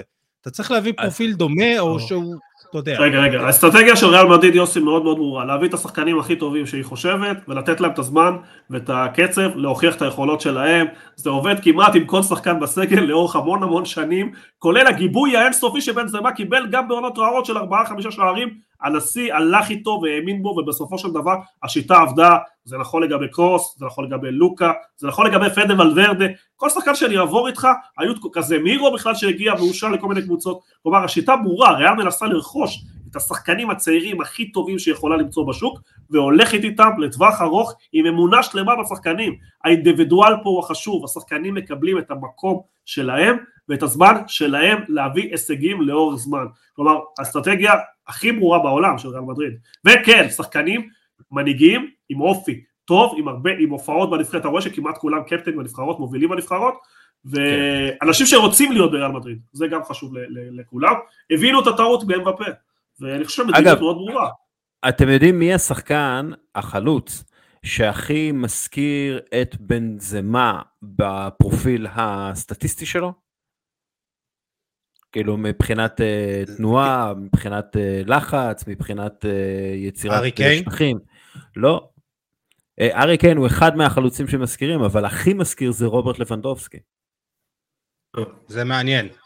כן, שזה באמת מעניין. עוד חלוצים, דרווין נונז, ג'ונתן דיוויד מליל, אדי אנקטיה מארסנל, יאגו אספס גם כן. זה קצת... אה, גייגו אספס חשבתי עליו. כן, זה, ו... זה נגיד אה, סוג שחקן ש, ש, שאתה יכול להביא ויהיה לך גיבוי לבנזמה. כן, אבל אתה מבין את הבעיה, שבנזמה משחק 98% מהעונה, ולא משנה מי תביא, ב-2% האלה אין אף שחקן שישאר בכושר. בנזמה חיסל חלוצים בקצב לשחק בריאל מדריד, הוא לא נתן לאנשים דקה לשחק, וזה מאוד קשה, כי הוא בלתי, היה בלתי ניתן, בטח תקופת הטובות. אז נכון שיש חיסרון אם הוא נפצע או לא בכושר טוב, אז רם משלמת את המחיר, אבל כמעט כל שחקן שהבאת, ולא רק הפלופ יוביץ', כל שחקן שהגיע להתמודד מול בן סמא ריסק אותו בדקות משחק, הוא לא נותן לאף אחד צ'אנס בכלל לשחק, ואין. מה לעשות. אה, אבל אתה יודע, כן. הוא בגיל 35, לא? בסדר גמור, אז יש מחליף, הנדריק הגיע, שוב, יהיה הנדריק קדימה, זה אחלה, זה אחלה, אמרתי לך תמיד, גם השחקנים, דיברנו, המחליפים יבואו מתוך ריאל מדריד, אר גרסיה, שנקנה ונמכר עם אופציה, זה השחקן שיגיע, ואם אסנסיו ילך, בראם דיאס יחזור, וריאל תמצא את הפתרונות מתוך המאגר השחקנים שלה, עם שחקני כן. על פה ושם שיגיעו. זו המדיניות, והיא ברורה מאוד לכל, הוועד, לכל מי שמכיר את המועדון. כן, אגב, והמדיניות הזאת התגלתה כגאונית, לא פחות. כלומר, להביא את וניסיוס בסכום המגוחך שהם הביאו אותו, שזה נראה לנו כל כך הרבה עבור ילד בן 16, מה אתם עושים וזה, אבל 45 מיליון יורו על וניסיוס, זה, זה, זה, זה כלום, זה כלום כסף. דרך אגב, הם הביאו גם עוד שחקן, מרטין אודוגור, כן? וזה פשוט נכון. לא עבד שם, כן? זה לא עבד כי הוא היה צריך להחליף את קרוס ולא לו סבלנות, וזה בסדר בדיוק, גמור. הוא היה צריך להחליף את אה, לוקה או את קרוס, וזה בלתי אפשרי. והיה גם אז כן, והיה טעויות, כשהם הקשיבו למאמנים, הטעויות הכי גדולות היה כשה- כשהנשיא והאנשים שלו הקשיבו למאמנים. אם תסתכל, הביאו את אה, אורדיוסולה במקום חכימי, זה היה אסון התברר בדיעבד. אתה יודע, אחד לא מצליח והשני הפך לכוכב עולמי. אבל היה עוד שחקנים, פדה ולוורדה הגיע כמעט בסכום זעום, כזה מי לא הגיע בסכום כן. זעום? מיליטאו הבלם שמדברים עליו, אחד הטובים בעולם, בוא נגיד, הם במדריד מוכרים אותו בתור הטוב, בוא נגיד שאנחנו מסכימים שהוא אחד הטובים בעולם. הגיע יחסית בסכום נמוך בשוק של היום, שאף אחד לא האמין בו, כולם רדפו אחרי אה, הבלם של אייקס ההולנדי שנכשל ביובה, ברח לי רגע השם. כולם רדפו אחריו, כן, ו- ו- ובסוף התברר שריאל צדקו והביאו את מיליטאו ש- שחיכה בסבלנות שנה שנתיים, התבשל לתוך התפקיד, והפך להיות אחד הבלמים ה- הטובים בעולם. אה, לכן אני פחות מתחבר לביקורת של יוסי, המדיניות ברורה, זה נכון שלא ניקח אליפות כל שנה. מדיניות ברורה בסדר. ב- ב- ב- במציאת מחליף לבנזמה, כי אתה רואה שזה פוגע בקבוצה כשהוא לא משחק. דרך אגב, לפי fbref.com, החלוץ שהכי דומה לבנזמה הוא קיליאן אמבפה. וואו. רגע, ואני אגיד לך... אה, ושני שני זה מסי, אז אתה יודע, זה קצת... אה, כן, אבל, אבל כן. קיליאן אמבפה הוא לא חלוץ. כאילו, הוא לא משחק כחלוץ. אז אני אה, לא יודע מאיפה, אני לא, כאילו יכול להיות שמבחינת סטטיסטיקות שהוא משיג בליגה הצרפתית הוא דומה מאוד מבחינה לבנזמה. סטטיסטית, אה, מבחינת, אה, אתה יודע, אה, תרומה התקפית והכל הוא הכי דומה לו. אה, אתה יודע, בסופו של דבר אתה באמת צריך לשכנע את, אה, את אה, אמבפה שהוא צריך לשחק כחלוץ. שאלה אם זה, אתה יודע, אם זה אפשרי. טוב, מילה על סביליה, ששוב, המאמן שלהם, חוזה לואיס מנדיליבר, אה, הגיע לקבוצה כשהם היו שתי נקודות מעל הקו האדום ובסכנת ירידה ממשית, פחות מ-50 יום אחרי, וסביליה מבטיחה את מקומה בליגה הספרדית ל- בעונה הבאה, ו... ואולי אה, גם בדרך אה, לליגת האלופות, כי היא יכולה לזכות ב- בטורניר שלה, אה, אירופה ליג, אז צריך להזכיר את זה. נעבור לסריה A? יאללה. או, לא, כן. יאללה, בוא נעבור לפרמייר ליג, אחר כך נעשה את הסריה A, בגלל שהיה יותר דרמות בפרמייר ליג. אמ, מנצ'סטר סיטי צריכה ניצחון אחד כדי להבטיח את אה, האליפות השלישית שלה ברציפות, אה, הישג אה, כביר של פפ גוורדיולה, מאוד מאוד קשה להשיג שלוש אליפויות ברציפות בליגה האנגלית. אמ, ואני רוצה להגיד משהו על גונדואן. אמ, היה לפני המשחק מול לידס, אמ, העלו לרשת שיחה של אה, גונדואן עם השחקנים, הוא כאילו לפני, לפני שעולים למגרש כזה. הוא דיבר בקצרה, אה, דיבר על, במבטא כזה גרמני, אה, אמר כזה צריך להראות אינטנסיביות ולחץ גבוה וקצת גמגם ויאללה קדימה לעבודה וברשת בעיקר האנגלים צחקו עליו כי הוא לא נתן איזה נאום חוצב לעבוד כמו סטיבן ג'רארד ולא קילל כמו רוי קין אה, או מה שזה לא יהיה אבל מה שהאנשים שלעגו לו לא מבינים זה ששחקנים אחרים לא גודואן לא צריכים נאומים כאלה לפני משחקים הם הם כאילו מגיעים עם המוטיבציה. הם ממש צריכים את התזכורת הקטנה על, ההור... על ההוראות שהם קיבלו בחדר ההלבשה, קיבלו בשבוע שלפני, הם... והדבר הכי חשוב, הם צריכים לראות שהשחקנים לצידם עושים את הלחץ הגבוה ומראים את האינטנסיביות, וזה בדיוק מה שגונדואן עושה. הוא נותן דוגמה אישית, הוא מקבל את ההחלטות הנכונות, הוא לוחץ, הוא לא עושה טעויות, הוא מראה להם בדיוק מה צריך לעשות כדי לנצח משחקים. וזו מנהיגות, אוקיי? אה, מעל הכל, חשוב יותר מהכל, זה, זה מה שמבטיח לך, הדוגמה האישית הזאת, זה מנהיגות. וזה מה שגונדואן עושה. וזה למה מנצ'סטר סיטי ברצף של 200 ניצחונות אה, רצופים ואי אפשר לנצח אותם, אה, כי, כי יש להם שחקנים כמו גונדואן. אם זה רובן דיאס, או אם זה גונדואן, או אם זה קווין דה בריינה, זה השחקנים האלה שיוד... שהם דוגמה אישית, הם קודם כל עושים מה שצריך לעשות, הם לא מכריזים על זה, הם לא אה, אה, עושים נאומים, כן, הם פשוט מגיעים, הם עושים את העבודה כמו שצריך, הם עושים את זה בצורה הכי טובה שאפשר. כמובן שגונדואן אה, כבש ובישל, כן, וניצח את המשחק הזה עם הפעולות המכירות נגד, אה, נגד אברטון. אפשר לצחוק וללעוג לו עד מחר, אבל האיש הזה, גונדואן, ו, ובמיוחד אה, לאור מה שהוא עשה גם בשנה שעברה, זה השחקן שזוכה לך באליפויות. צריך לזכור לגבי העניין של הקפטן. גונדואן נבחר על ידי השחקנים בתחילת העונה לשמש כקפטן. עונה שעברה היה פרננדיניו ו- וגם אה, דה בריינה ו- וגונדואן היו אה, סגני קפטן והוא נבחר על ידי השחקנים להיות הקפטן המוביל אה, וזה משהו שלא ברור מאליו. אם השחקנים בוחרים אותך כדי להיות קפטן של הקבוצה זה אומר שהם סומכים עליך, זה אומרים שהם מחזיקים ממך וזה בסוף מה שמשנה, זה לא משנה איך אתה אה, יוצא מול התקשורת או איך זה נראה או משהו בסגנון, זה, זה משנה מה השחקנים חושבים עליך ואיך אתה מתנהג על המגרש ואיך אתה מתנהג ב, ב, ב, כן. במתקן האימונים. אתה יודע, זה, זה ככה בנקודה הזאת. אה, חדר, חדר ההלבשה, החדר ההלבשה זה הדבר הכי חשוב. זה הדבר הכי חשוב. ודרך אגב, אני זוכר שמוטי דניאל סיפר לנו בפודקאסט על דיוויד אנקרם. אתם זוכרים את דיוויד אנקרם? כן, כן, 92-3. כן, זה חובבי, זה אנחנו בכדורסל. אתה מדבר פה עם אה, אוהד מכבי. לא, יוני פה אוהד פנאט של מכבי. כן. אז הוא אמר שדיוויד אנקרם לא היה נכנס לחדר הלבשה.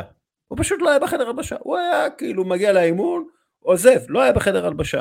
ובאמת, מכבי תל אביב אז עם, עם רצף של 200 אה, אליפויות רצופות, הפסידה את האליפות לגליל עליון, אה, סליחה, הם הפסידו בחצי גמר לגליל עליון, כן? ו, ודייוויד אנקרם ממש כאילו, זה, זה היה כאילו כל הקבוצה שנאה אותו, לא, שום דבר לא הסתדר שם, והכל בגלל הדבר הזה בחדר ההלבשה.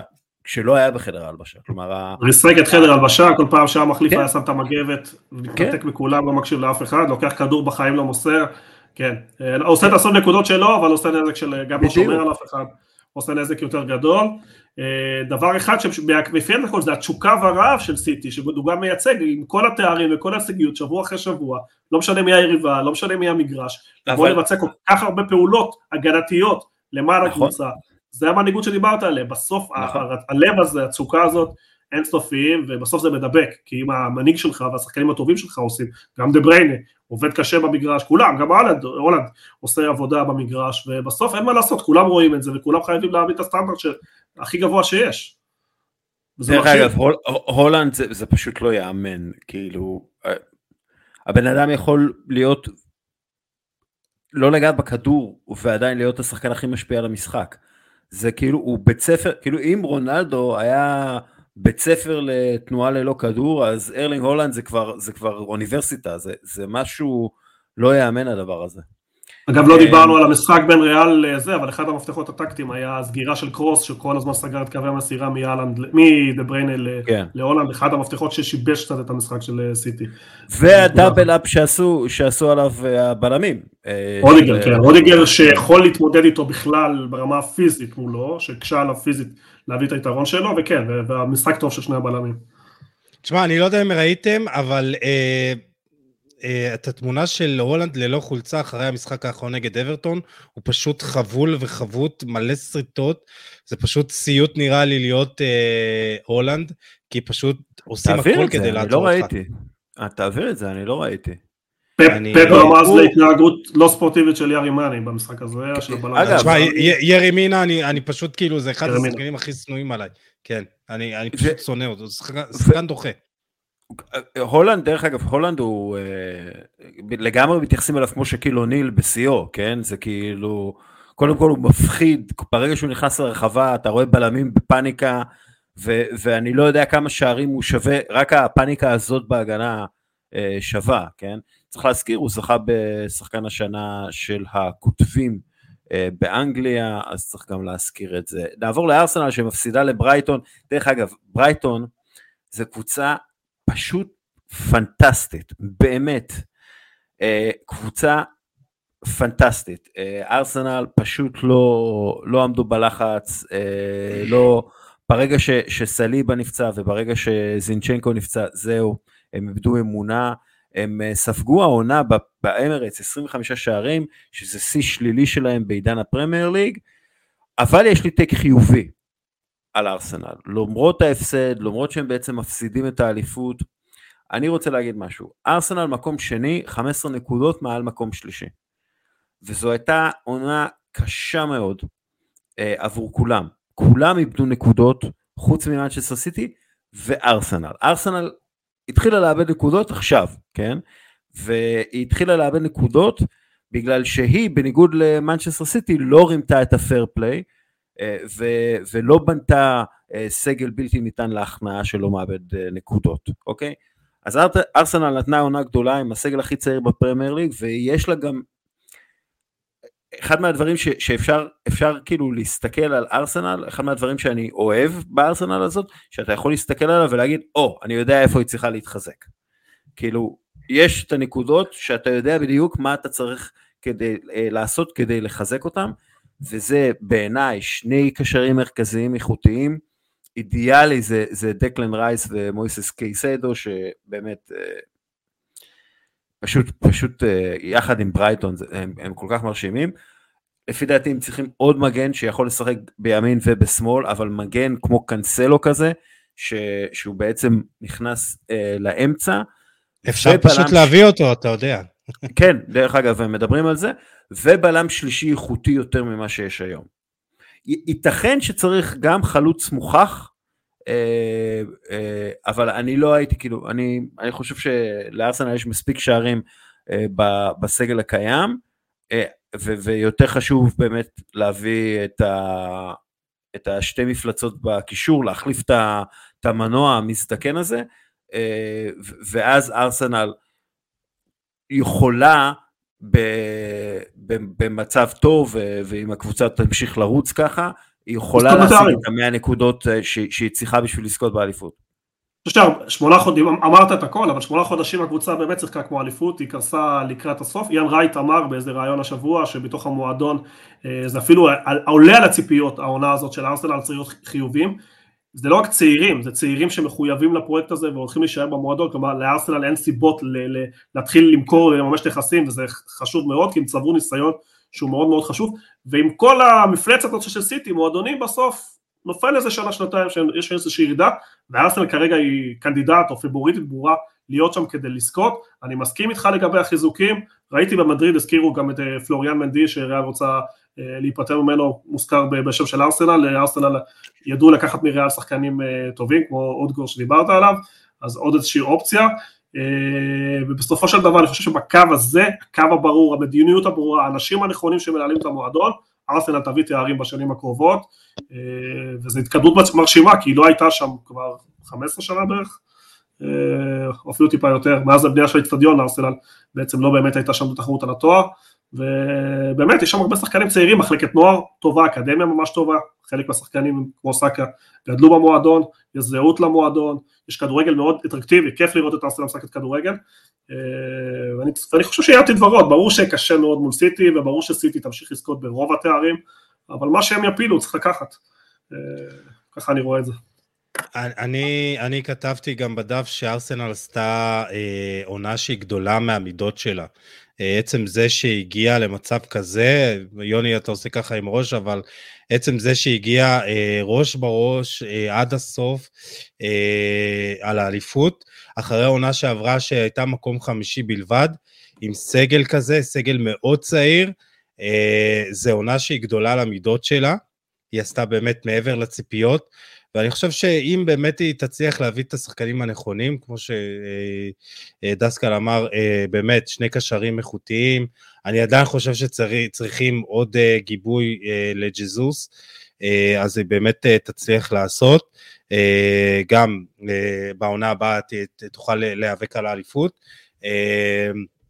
אבל אה, כאילו, יש לה עתיד ורוד, כי עצם זה שבאמת הסגל שלה מאוד צעיר, עם הניסיון שהם, אה, שהם יצברו, ליגת האלופות בעונה הבאה, אז הכל באמת, אה, היא בדרך הנכונה. מנצ'סטר יונייטד, שאלה לי אליכם, הם טובים או גרועים? כאילו... הם לא יציבים, הם בעיקר לא יציבים, וגם מאוד ברור כאילו, האפיון שלהם, הם, הם לא יציבים. ואריק תנהך הוא האדם הנכון, כי מצד אחד, יש לו הכי הרבה נקודות למשחק מאז אלכס פרגוסון, מבין כל המנג'רים של מנצ'סטר יונייטד. מצד שני, הם מפסידים המון, ואני לא בטוח שהשחקנים שתנח הביא ורצה הם השחקנים הכי מתאימים למנצ'סטר יונייטד. מצד שלישי, מנצ'סטר יונייטד עם 38 ניצחונות בכל המסגרות, שזה הכי הרבה שלהם מאז 2010-2011, כלומר, הם טובים, רעים, מה, מה, אני חושב שהם בעיקר לא, לא יציבים, הם מזכירים לי את הארסנל של שנה שעברה, שהיה להם תקופות רעות מאוד, תחילת עונה, אמצע העונה של הפסדים, ובאמצע התקפות טובות מאוד, וזה מאוד מזכיר לי גם בתנודות האלה, כי יש תקופות שבאמת הם נראים יונייטד קבוצה חזקה מאוד, ויש תקופות שהם נראים כל כך שבוריים, וכל כך קל לתת להם שערים, וזה משהו נקודות שאני חושב שהוא עצמו צריך לשפר. כלומר, כי הם סופגים בקלות, הוא תוקף עם שבעה, שמונה שחקנים לפעמים, ועל טעויות בודדות הוא מתפרק, ראינו את זה פעם אחר פעם, זה לא שהוא מפסיד, הוא מקבל תבוסות לפעמים, וזה משהו שהוא עצמו צריך להבין שהפרמייר ליג זה לא הליגה ההולנדית, ואני לא רואה שם שיפור, אבל מבחינת הרעיון, יונייטד שמשחקת טוב, גם כיף לראות אותה, וצריך לראות שהם היה שם הרבה שחקנים עם חוזים גבוהים ולא ברמה הנדרשת, כלומר יש לו הרבה מה לתקן וזה לוקח זמן, לכן אני מאוד בעדו, אם אני מסתכל על טובת יונייטד, ואני כן, אבל לדעתי הקנייה החדשה של בעלים חדש יכול להכניס עוד סיפור, ש, שעוד פעם חוסר איזון בין מה המאמן רוצה למה הבעלים רוצה. אז, אז, אז לגבי זה יוני, אה, היום מפורסם שהשייח' אה, הקטרי אל-תאני אה, אה, מכין הצעה אה, אה, סופית של שישה מיליארד אה, לירות סטרלינג, ובתוכנית העסקית שלו, מה שהוא מתכנן בשביל המועדון, אה, זה את אדווין, אדווין ואן דר סאר כמנהל ספורטיבי, אה, אלכס פרגוסון ודייוויד גיל יהיו יועצים מיוחדים, וגם תוכניות לשיפוץ האולד טראפורד ומתחם האימונים, וכמובן אריק תנח כמנג'ר, כמאמן של הקבוצה הראשונה. אז, אז כאילו זה התוכניות, אה, וגם עכשיו, אה, קימינג'ה, אה, מדווח שהוא סיכן את התנאים שלו, וכאילו הוא, הוא מסכים להצטרף בעונה הבאה. אז יש פה איזושהי איזה התקדמות או תוכנית, אבל נקודה אחרונה, מצ'סטר יונייטד חייבת חלוץ חדש, חייבת חלוץ אמיתי, דיברנו על זה שהיא כובשת הרבה פחות ממה שהיא אה, מגיעה אה, בהזדמנויות שלה, אולי גם אה, עוד קשר 50-50, אה, כלומר, יש לה דרך עוד לעשות כדי להיות טובה, בוא נגיד ככה. מה שחשוב בכניסה של בעלים חדש, שכולם מסונכרנים ומבינים מה עשו כדורגל ומה המטרות. כי אם זה לא יקרה, אנחנו ראינו את צ'לסי מתפרקת לגמרי, הופכת לבדיחה, ראינו את סאוטמפטון, קבוצה קטנה שהייתה יציבה במרכז הטבלה, בעלים חדש נכנס, קנה שחקנים בלי שום היגיון, הביא מאמנים חלשים, הקבוצה יורדת ליגה.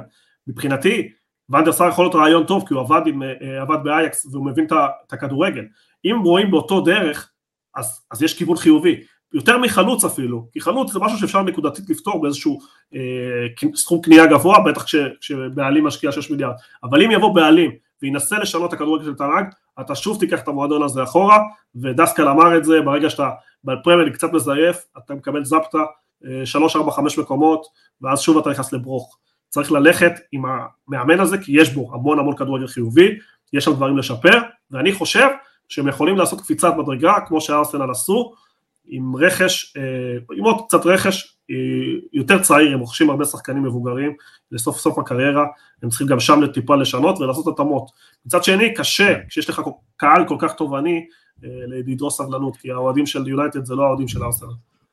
כן, אמ, אני, צריך להגיד גם על זה משהו ש, שבאמת אה, אסטון וילה לפי דעתי בשנה הבאה עם החיזוקים הנכונים ואונאי אמרי בקצב הזה תהיה תחרות מאוד קשה עבור כולם ראיתי איפשהו שיש להם איזה תקציב של איזה 200 מיליון לירות סטרלינג. דרך אגב, שם הביאו מישהו שמתאים למאמן, מישהו שהגיע מהליגה הספרדית, מכוונים לשוק הספרדי, כלומר כולם רואים ביחד את אותה מטרה ואותה דרך חשיבה, וזה יעזור להם לעשות רכש נקודתי מעולה, כן. ואנחנו רואים שהסכומים של שחקנים שהם רוצים בספרד, להם זה נמוך, מדברים על 30, 40, 50 מיליון אירו, כלומר אפשר לקנות 3, 4, 5 שחקנים.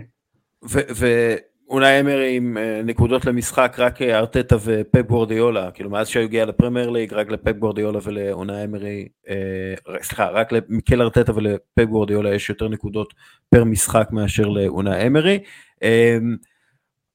משהו על סאפהמפטון, סאפהמפטון מבטיחה את ירידתה, אפשר להגיד את זה? ואיך אומרים? איך אומרים? סאפהמפטון ירדה ליגה, היא לא מבטיחה את אה, ירידתה, מה קורה לי? השעה מאוחרת, לא משנה. כשאני מסתכל, אם הם היו שומרים על ההרכב שהעליתי לא מזמן בעמוד בכל יום נתון, אז זה פשוט הרכב מטורף.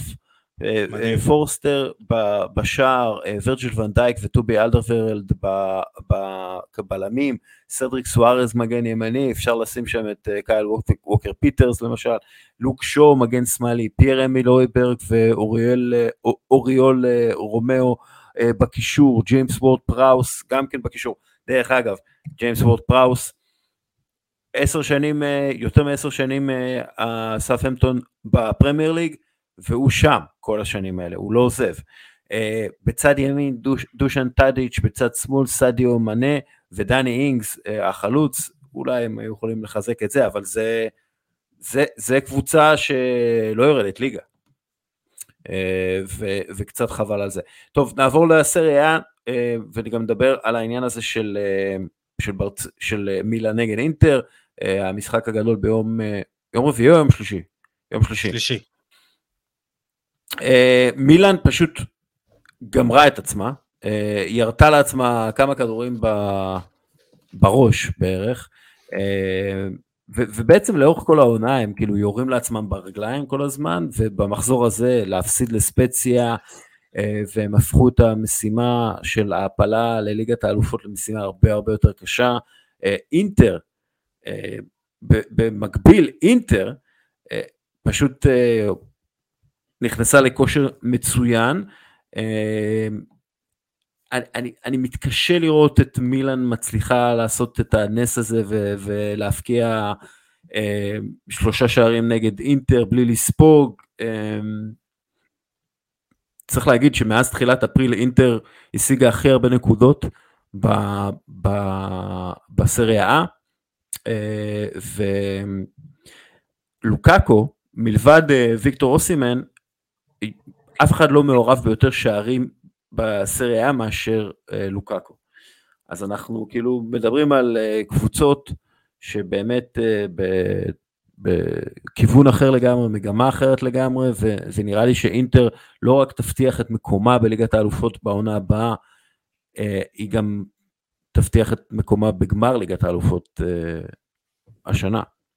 אינטר מאוד הרשימה אותי בכלל במשחק הזה בתקופה האחרונה, אני, אני הופתעתי מה, קודם כל מהפערים במשחק הזה, חשבתי שיהיה משחק שקול, אינטר היו שלוש ארבע רמות מעל, כל הזמן מדברים על חשיבות של כדור שני, ואינטר ניצחה במשחק הזה בכל מאבק ומאבק מהרגע הראשון, אני חושב שהיציאות שלהם קדימה אחרי חטיפות ברמה מאוד מאוד גבוהה, שאני, פעם ראשונה שאני חושב שאינטר יכולה לקחת אליפות אירופה וזה לא יפתיע אותי, ואני מדבר כדורגל נטו, אינטר יכולה לעשות נזק לכל הגנה, בטח לקבוצה שלוקחת סיכונים כמו פפ גוורדיולה בגמר, או מול ריאל מדריד ביום חזק, היכולת שלהם לצאת קדימה הרשימה אותי מאוד, ובחודשיים האחרונים הם משחקים ברמה אה, אה, גבוהה מאוד, אה, אני שוב, אה, דיברנו גם אם תהיה השפעה על הליגה, וראינו שאינטר ניצחה 4-2 בצורה מרשימה ואילן התרסקה ולא הופיעה, מאוד מאוכזב מהיכולת של מילאן, היא בכלל משחק ביתי מול קהל, הגול הזה בדקה השביעית של ג'קו בקרן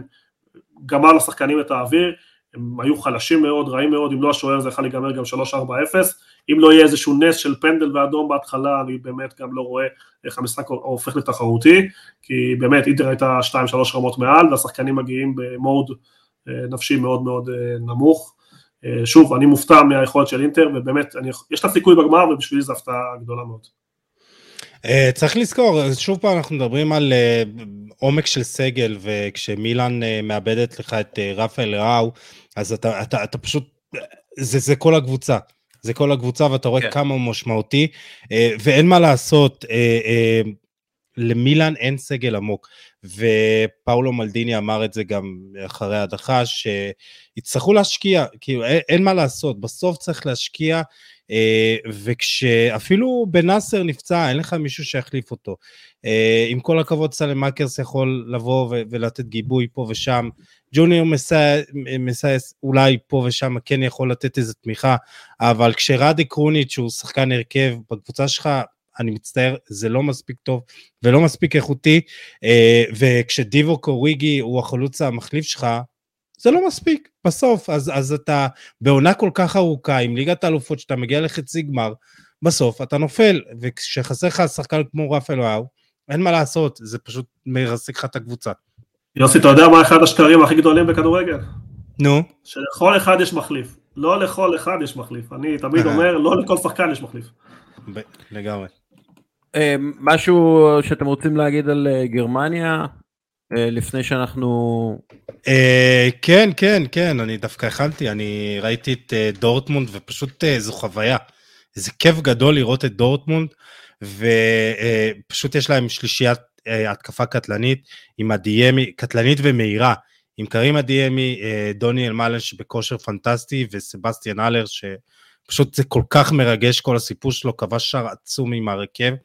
ומאחור אה, הם פתחו עם אה, בלינגהם, ג'וליאן ברנט, אה, מאחור, בקישור, ואמרה צ'אן, וכל כך חבל לי שאם ההגנה שלהם הייתה טיפה יותר יציבה וטיפה יותר איכותית, היא הייתה יכולה גם לספוג פחות, ואתה יודע, אפילו גם להיות אלופה כבר עכשיו. אתה יודע מה מעצבן אותי, יוסי? נו. הפער ביכולת במשחקים שהם עולים למקום ראשון או יכולים לעלות למקום ראשון, לבין כשהם לא יכולים. הפער הוא בלתי נתפס. כל פעם שהם עולים למקום הראשון, הם פשוט משחקים רע והורסים לעצמם במשחקים לא טובים. הם יכלו להוביל את הטבלה כבר פעמיים, שלוש או ארבע, כל פעם שהיה משחק עם לחץ, הם נפלו והתרסקו.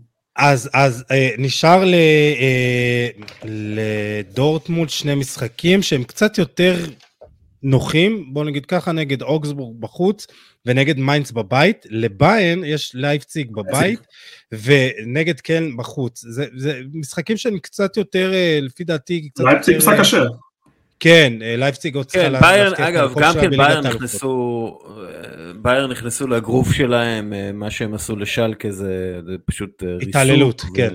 כן. ואני לא חושב ש... לא יודע. מולר, מולר חזר גם להרכב אחרי שתי משחקים אה, וכבש, כן. שהוא מאוד חשוב שם, ברמת המנהיגות שדיברנו עליה. נכון, טוב, אה, יאללה, זרקור, יוסי, תתחיל. אה, אני, אוקיי. אה, יוני לקח לי, אז אני אחר כך אוסיף מה שיש לי לומר עליו, למרות שהוא גילה לי אותו לראשונה, אז לא משנה. מנואל אוגרטה, הקשר האחורי האורוגוואי בין ה-22 של ספורטינג, הוא מפלצת, כאילו, הוא פשוט חזק בטירוף, קשר אחורי אמיתי בעל יכולות הגנתיות אה, אדירות. אה, הוא משחק אה, כדאבל פיבוט, כקשר הגנתי יותר, יש לו קריאת משחק בצורה פנטסטית, הוא מתקל, הוא מחלץ, הוא יודע באמת לעצור התקפות גם בחצי היריבה, והוא גם מהיר וחזק. מה שמעניין, הוא התחיל בכלל לשחק כחלוץ. אה, והוא השחקן הצעיר ביותר ששיחק בליגה הראשונה באורוגוואי במאה הזו, באיזה גיל 15. הוא גם שימש כקפטן בקבוצת הבוגרים הראשונה שלו אה, בפניקס בגיל 18. אה, יש לו סעיף שחרור של 52 מיליון לירות סטרלינג, לא בשמיים, והוזכר כמועמד לליברפול, צ'לסי כמובן, ניוקאסל ואסטון וילה, ויש לו באמת תקרת זכוכית מאוד מאוד גבוהה, אה, תקרה מאוד גבוהה. אה, אחד השמות המאוד מעניינים שכדאי לשים לב אליהם בקיץ הזה, אה, אחלה קשר. יש לו גם סוכן טוב, מנדש, אז מבטיח שיהיה הרבה כסף בעסקה. אני בחרתי שוער, כי לא היה לנו פה הרבה זמן שוער, וזה אחת העמדות האהובות עליי. אחד משוערי העתיד ללא ספק הוא בארט ברוגן, שוער הולנדי בן 20 של אנטרלכט. הוא גדל בכלל בברדה, נרכש בסכום זעום של 300 אלף יורו. אה, מהנוער שלהם, ונחשב בצדק שוער אה, מודרני. הוא התחיל את השוער, בתור, הוא התחיל את העונה בתור שוער שני, לקפטר של הקבוצה, לקח את המקום בצדק, יש לו משחק רגל נהדר, שמתאים מאוד למשחק ה build-up, קצת מספרים, יכולת העצירה שלו מרשימה, 80% הצלחה בקונפרנס ליג, הוא היה רביעי מדורג במפעל. אתם אה, יודעים מי, סליחה, אתם יודעים מי המקום ראשון? באר שבע, שוער נבחרת, כן. עמרי גלאזר, מקום ראשון בקונפרנס ליג. כן. בליגה הוא שלישי באחוזי עצירות על איומים, 75 אחוז, הוא מטר 94, שולט ברחבה, משחק גובה מדהים, יש לו size אוליבר קאן, שיבח אותו בכל מיני ראיונות, לגבי סכום העברה יש לו סעיף שחרור יחסית נוח, 10-15 מיליון פאונד מעריכים אותו, שמעתי על ביירן מינכן, על יונייטד, בליברפול, ואני דווקא נכון. חושב שברנלי של וינסן קומפני, שמאוד מכיר את אנדרלכט, גם מוזכרה והיא תזכה, כי היא יכולה לתת לו בניגוד לשאר הקבוצות דקות משחק בפרמייר ליג, ולכן... כבר בהתחלה, כן. זו קפיצת מדרגה נכונה יותר עבור הקריירה שלו. אני לוקח אה, קבוצה שלמה.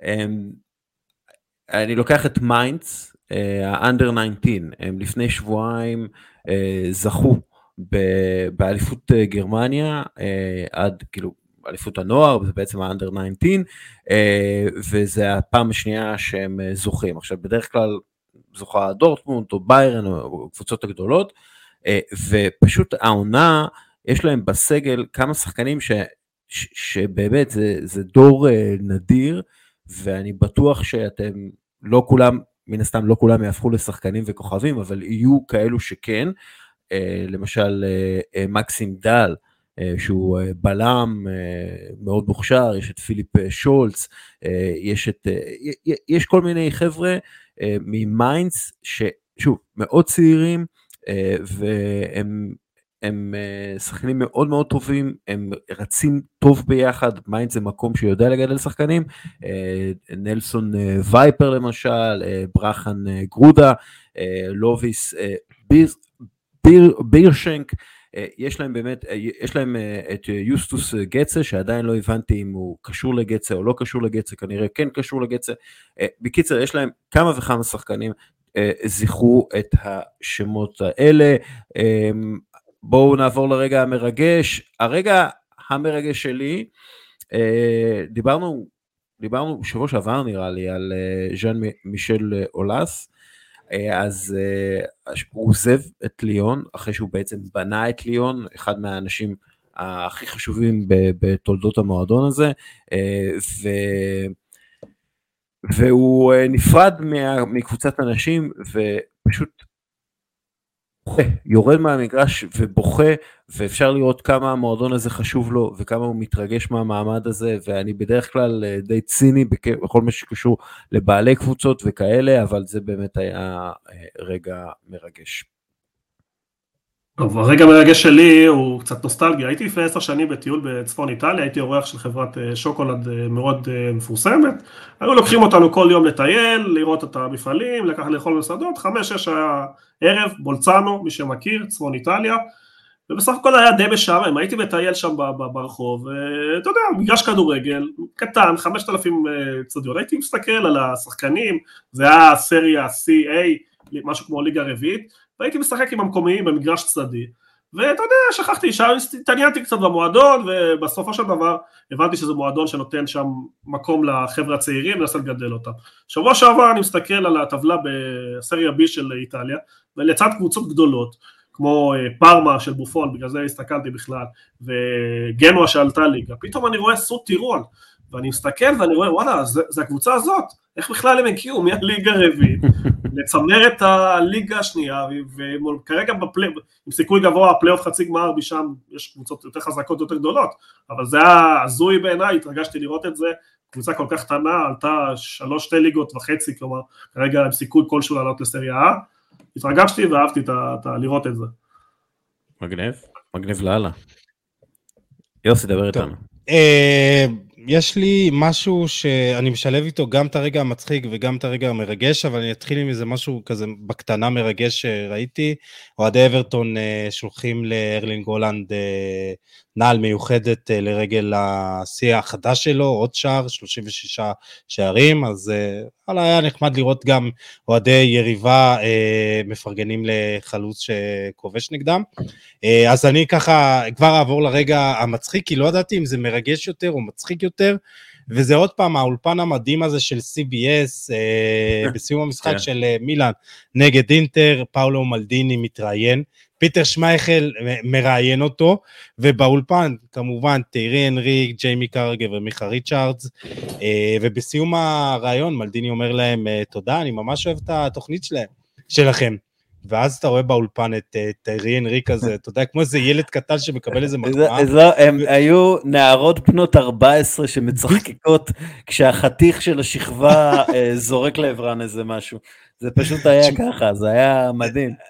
אני, אני פשוט חולה על המימיקות של, של ריצ'ארדס ושל אנרי הזה, הם פשוט מצחיקים אותי בטירוף, ולא ידעתי אם, אם לצחוק או להתרגש, כי אתה אומר בואנה זה פאקינג טרי אנרי, כאילו אתה יודע, מיקה ריצ'רדס עוד אה, ניחא, אתה יודע, אולי איזה כוכב כדורגל ענק, אבל זה טרי אנרי, אחד מהשחקנים הכי גדולים בדור האחרון הזה, ואתה רואה אותו מתרגש כמו איזה, איזה ילד קטן, שאתה יודע, אה, מלדיני, אתה יודע, שאתה הולך לאיזה מתחם אימונים של הקבוצה שלך, ואתה רואה את, את הכוכב הגדול, והוא פשוט אומר, כאילו, הוא כל כך מפרגן לו שם, ואומר, הוא אפילו מתלבש יפה כזה, הוא אומר. כן. אה, אז זה היה כזה גם מרגש, גם מצחיק לראות את זה, אה, וזה אחד באמת האולפנים שהם, שהם הכי מקצועיים שיש, אבל גם מצחיקים אותך באותה מידה, זה פשוט כאילו השילוב המושלם לפי דעתי לתקשורת ספורט. כן. יוני, דבר איתי בקטע מצחיק, אם יש. וואי, היה שבוע יום הולדת לשוער די אלמוני, אבל הוא החבר של מישל, אז uh, נזכיר את זה. אז לוקאס וסקס בכבודו בעצמו העלה תמונה, שנראית כזה ישנה, עם הבן שלו בגן חיות, uh, הוא ברקע ג'ירפות, כמובן שהשוער uh, זה טימו קורטואה, והג'ירפות עם הכובעים היו uh, לחגוג לו את היום הולדת, אז מזל טוב לשוער היהודי הטוב בעולם, תשמור על רשת נקייה כדי שהרשעים של זיטי לא יעלוזו. זה טוב. זה זה טוב. כמעט כמו הנרי. כן, כן, זה טוב. אה, זוכרים את הרגע השלי, אני לא יודע אם הוא מצחיק או הוא קטע מעניין, אבל בכל מקרה, זוכרים את אה, גל קלישי? היה ב... כן, ארסנל, מגן בארסנל, שמאלי, כן. היה במנצ'סטר סיטי, כיום הוא בסרווט השוויצרית, והוא כבש שער מהחצי.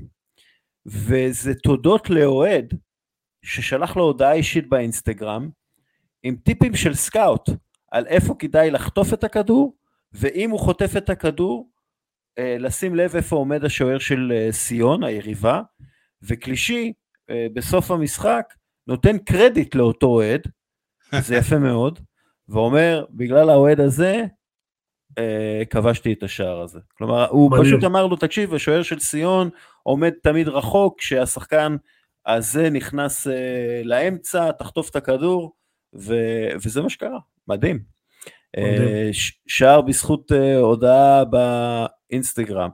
טוב, אה, הרכב הסופש, ונסיים את, את היום, מה אתם אומרים? יאללה. יאללה יאללה, אז השוער שלנו הוא אדגר בדיה מאלצ'ה, אמנם הקבוצה תרד ליגה, אבל הוא נותן ארבע הצלות נגד אתלטיקו מדריד, ארבע אה, מתוכן אה, בתוך הרחבה, מנה שער אחד לפי ה-XG, עשה עוד כמה פעולות חיוביות, אבל בגדול שמר רשת נקייה, אה, ולא יעזור לאלצ'ה, עדיין תרד, אבל אולי הוא אה, קנה לעצמו איזה מקום בקבוצה אחרת. מגן ימני, שוואו קאנסלו, למרות שהוא שיחק בשמאל, אבל תראו, זרמו איתי, אה, מבשל בניצחון אה, 6-0 אה, על אה, שלקה, אבל לא רק, גם שולט במשחק מאחורה, הוא באמת, הוא מגן פנטסטי. אה, זה שמנצ'סטר סיטי יכולה פשוט להיפטר ממנו, זה, אה, לא צריך את קאנסלו, אה, זה מראה, זה מאוד מעצבן, כן, זה מאוד מעצבן. אה, אבל באמת, הוא 11 עימותים על הכדור, 14 פעולות הגנתיות טובות, גם יוצר מצבי הפקעה, כמובן מבשל, עושה הכל. מגן שמאלי הוא, הוא פבריס אה, אה, אסטופניאן מברייטון, שנתן משחק מרסק, אה, פשוט ריסק את, את יחד עם מתום היפני, פשוט ריסק את ארסנל, גם- יצר, גם, סליחה, גם כבש שער, גם בישל שער ויצר מצבי הפקעה. זכה ברוב העימותים שלו, מלא נגיעות בכדור, פנטסטי. אלו המגנים שלנו. הבלמים, רפאל ורן ממנצ'סטר יונייטד, שהוא לא שיחק את כל המשחק, אבל הוא באמת הופך את ההגנה של מנצ'סטר יונייטד להגנה יציבה. והוא רגוע על הכדור, הוא מנצח ברוב העימותים שלו על הכדור. דרך לא אגב, שכחתי, אה, סליחה שאני קוטע אותך, אה, קטע מאוד אה, מרגש היום, אפרופו בלמים של מנצ'סטר יונייטד, פיל ג'ונס יעזוב את מנצ'סטר יונייטד כן. בסוף העונה אחרי 12 שנה. אגדי, אגדי, פיל ג'ונס האגדי, אז כן. כן, האמת היא, הסיפור שלו קצת טרגי, כי, הוא, כי הגוף שלו באמת קרס. אני חושב שהוא היה יכול להיות בלם אדיר, אבל uh, קריסת גוף. Uh, רפאל ורן בלם אחד, ברמר מיובנטוס בלם שני, כי ברמר גם כובש וגם uh, משחק מעולה, ויובנטוס מנצח ושומרת על רשת נקייה. טוב, בקישור, הקשרים המרכזיים, דוגלס לואיז מאסטון וילה, גם שער מרהיב בביתה חופשית, אבל לא רק, הוא, הוא מפספס רק שלוש מסירות מתוך 58 uh, ניסיונות, uh, פעולות הגניות טובות, ואסטון וילה מנצחת את טוטנאם. הוא, הוא למשל שחקן שיהיה מעניין לראות מה קורה איתו בקיץ, לפי דעתי הוא יכול לעבור לכמעט כל קבוצה באנגליה.